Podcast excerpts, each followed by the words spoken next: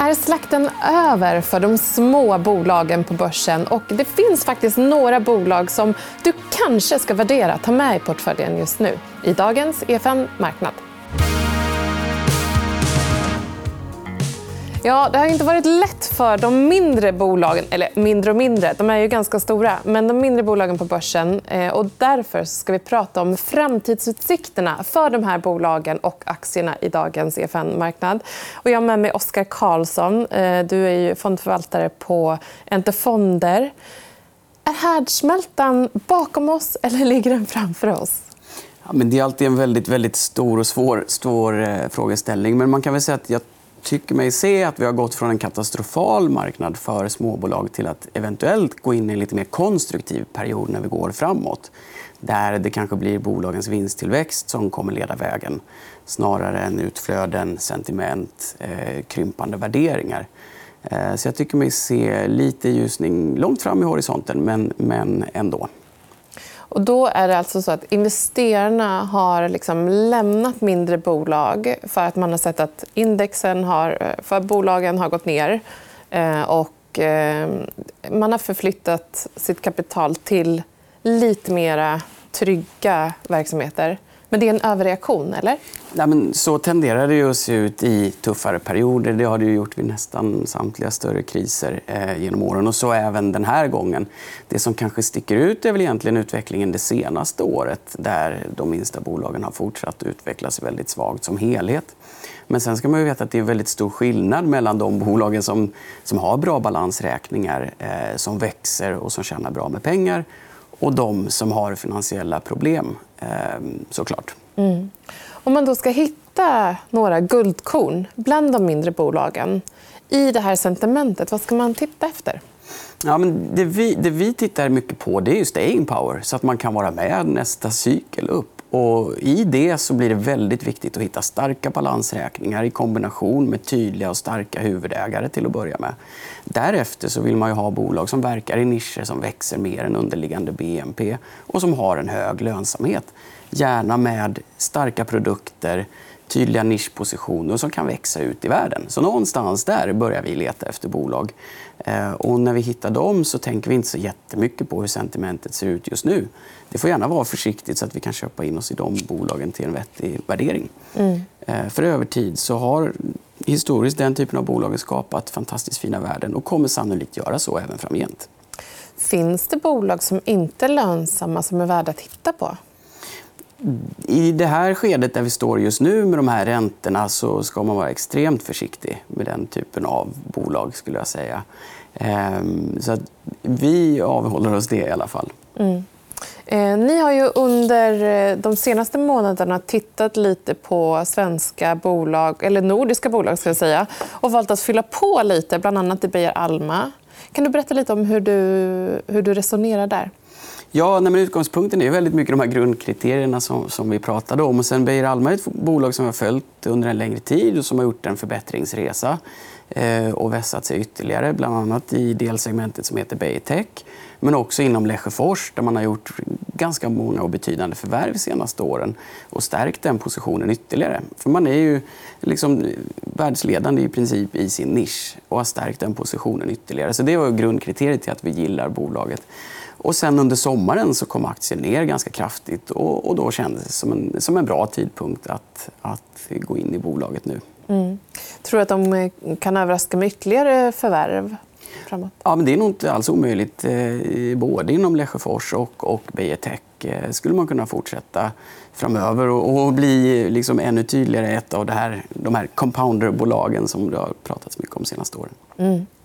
Eh, ni har även gått in i ett danskt bolag som heter Seabrain som också har en B2B-försäljning. Eh, ehm, hur kommer det sig att den tajmingen var nu? Ja, där kanske inte var lika mycket en timingfråga utan mer en faktor att man verkligen tycker det här bolaget är väldigt spännande ur ett långsiktigt perspektiv.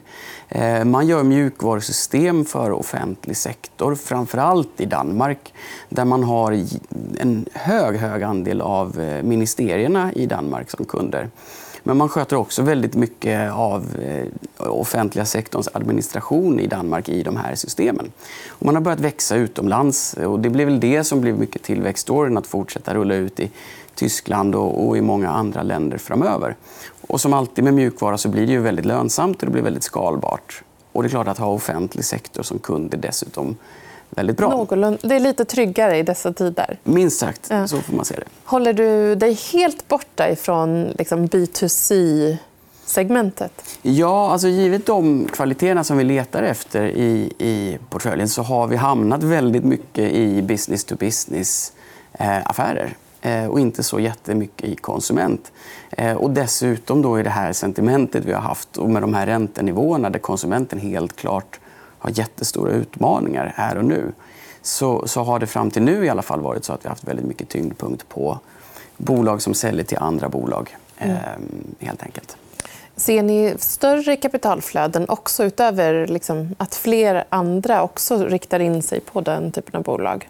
Ja, alltså I det här klimatet så har jag svårt att se nåt annat än att liksom, många kommer söka sig till lönsamma bolag med bra marginaler som växer och som gärna säljer till andra företag. Mm. Jag såg en, eller hörde en statistik igår om att 4 eh, av alla börsnoterade bolag står för 100% av vinsterna. Mm. Nej, men det, det... Det, är de två, det är de 4 procenten man ska leta efter.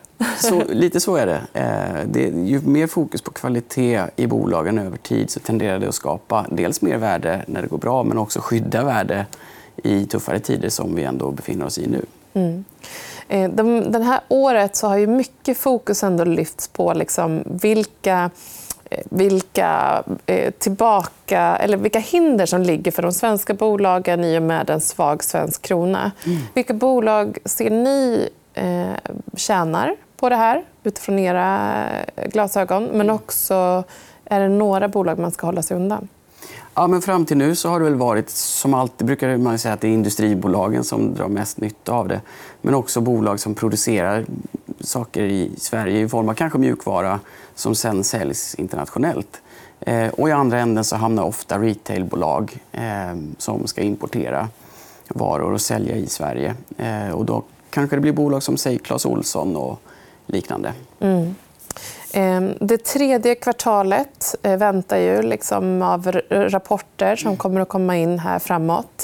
Eh, vi har ju börjat året med en ganska optimistisk syn och sen har det backat tillbaka under det andra kvartalet.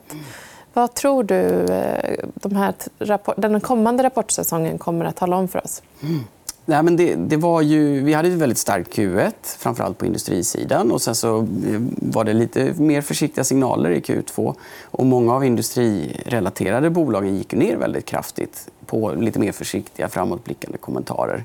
Och det man snappar upp är väl att jo, men det förefaller vara försiktigt inom, inom industrin.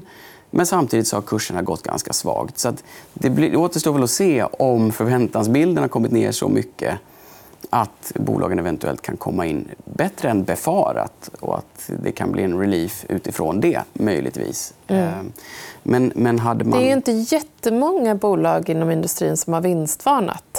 Nej, och det är inte särskilt många bolag som har vinstvarnat överhuvudtaget. egentligen. Eh, så det är väl ändå lite comforting eh, mm. i det här läget. För Det brukar ju kunna vara ganska många annars om, om det är mycket negativa överraskningar. Kan det vara så att, det, att det, man inte vill vara det första bolaget som gör det? Så kan det vara. Eh, men, men samtidigt, om resultaten är svaga så är de. Då är det inte mycket att, att orda om annars än att vinstvarna. Mm. Eh, så att du menar egentligen att eh, vi, det kan vara en, en möjlighet till att vi går ifrån en katastrofsituation till en mer konstruktiv tid? Blickar vi framåt ett antal kvartal så är det väldigt mycket som talar för det, tycker jag. Eh, jag tycker att när jag ser kvalitativa bolag som, som kanske har en värdering som börsen idag på säg P 15 då kanske det blir P 12 nästa år och så P 10 året efter. Det är ju väldigt attraktivt för bolag som har låg skuldsättning, bra lönsamhet och som växer. Mm. Och tänker man dessutom att man vore en investerare från något av våra grannländer som investerar med en euro som är stark, då blir det bolaget ännu billigare. Och tids nog så kommer vi nog hamna i ett läge där ja, men utländska investerare ser på Sverige på ett annat sätt mm. eh, än vad man gör nu. Mm. Det som har varit i Holland också under parallellt under året är att arbetsmarknaden har varit väldigt stark. Men eh, funderingar. Jag har själv träffat på personer som faktiskt till och med sagt att de blivit av med jobbet. Just då är det inom byggsektorn som det av någon anledning har varit. Mm. Vad tror du om bygg, retail, eh, är det, är det värsta fram, framför?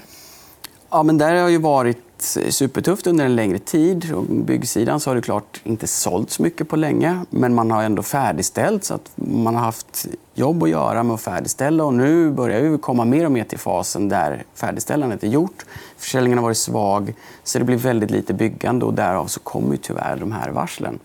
Det tenderar att få ringar på vattnet till underleverantörer eh, vilket man ser bland annat på elrelaterade sidan och så vidare.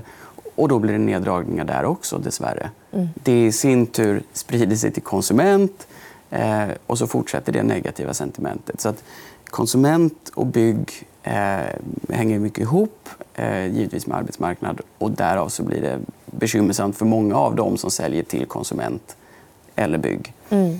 Ehm, så det är väl lite den nulägesbilden som är där. Mm, får avvakta något, helt enkelt. Kanske att Q3-rapporterna kan vara en bra indikator? Det kan nog vara en bra första indikator. så får man följa det löpande sen. Mm. Och kanske inte några nya byggprojekt eh, som kommer liksom tas på från, från dessa parter nu efter att man färdigställt det som man har Exakt. Det är nog inget man ska vänta sig i närtid. utan Det ligger nog en bra bit eh, framför oss. Mm. Eh, vi har en graf som visar eh, relationen mellan OMX30 eller OMX kanske, och eh, de mindre bolagen, eller small cap-indexet som Carnegie har. Och det är ert jämförelseindex också för, för er eh, portfölj. Ja, men mm. precis. Eh, vad säger den här statistiken? Ehm, ja, nej, men den här grafen visar ju på ett väldigt tydligt sätt att vi har varit igenom en väldigt, väldigt kraftig rörelse om man ser till skillnaden mellan storbolag och småbolag. Och, eh, så länge som småbolagsindexet har funnits så har man inte sett den här typen av magnitud. Och typiskt sett över tid så brukar ju småbolag gå bättre än storbolag för att vinsten växer mycket mer. Småbolagen tenderar att växa vinsten 13, 14, 15 procent. Storbolagen säg 5. Aktierna följer med, det går upp. Eh, och det vi ser i den här grafen det är ju helt enkelt att det, för, det, finns korta perioder när storbolagen går bättre. och Det tenderar att vara i tuffare tider. Men det brukar vara så att det går ner lite grann och sen studsar det ganska snart upp i den här grafen. Men det vi har sett nu, som sagt, jättestort fall. Eh, och det liknar egentligen ingenting som vi har sett under hela den här tidsperioden. Nej, det, det gäller ju att man får backa tillbaka till när man själv var barn. Lite så. ja. Lite så. Eh, och eh, om man tittar på, liksom, på bolagens möjligheter... Jag tänker att det finns en risk för, att, för många tuffa smällar för mindre bolag framåt. Verkligen. Det är, ju, de... det är ju i det här segmentet som det kommer att smälla. Så det är därför det kommer sannolikt vara en väldigt tudelad utveckling för de minsta bolagen. Det är väldigt viktigt att att välja rätt bolag. Mm. Ehm. Är det någonting som du är rädd för? Att det ska dra ner er profil? Liksom? Ja, nej, men det, det är jag liksom helt övertygad om. att Hela segmentet är förknippat med så många eh, minor. Eh, att det blir en avvaktan kring det. Men eh, fokuserar man som sagt på de lönsamma bolagen med bra balansräkningar och så vidare då är man skyddad från merparten av det. Eh, för det är klart, Har du nettokassa då får du faktiskt betalt eh, mm. för att ha kassa. Har du skuld, ja, men då blir det en jättestor kostnad. Mm. Så att, eh, definitivt en tudelning. Och det är klart att det blir ett försiktigt sentiment när man har en välägd aktie som SAS som blir värdelös över en natt. Såklart. Så det är inte konstigt det som eh, sker här och nu och att det är väldigt försiktigt sentiment just nu. Mm. Ni har ju också flera andra spännande bolag i portföljen. Eh, vill du lyfta ett par eh, av aktierna som ni äger och berätta lite om hur de kompletterar eh, och varför ni valt kanske gärna lite större innehav? Mm. Nej, men man skulle kunna börja med ett av de största, som är eh, ett finskt bolag, eh, Harvia som faktiskt är världsledande på bastumarknaden, passande nog.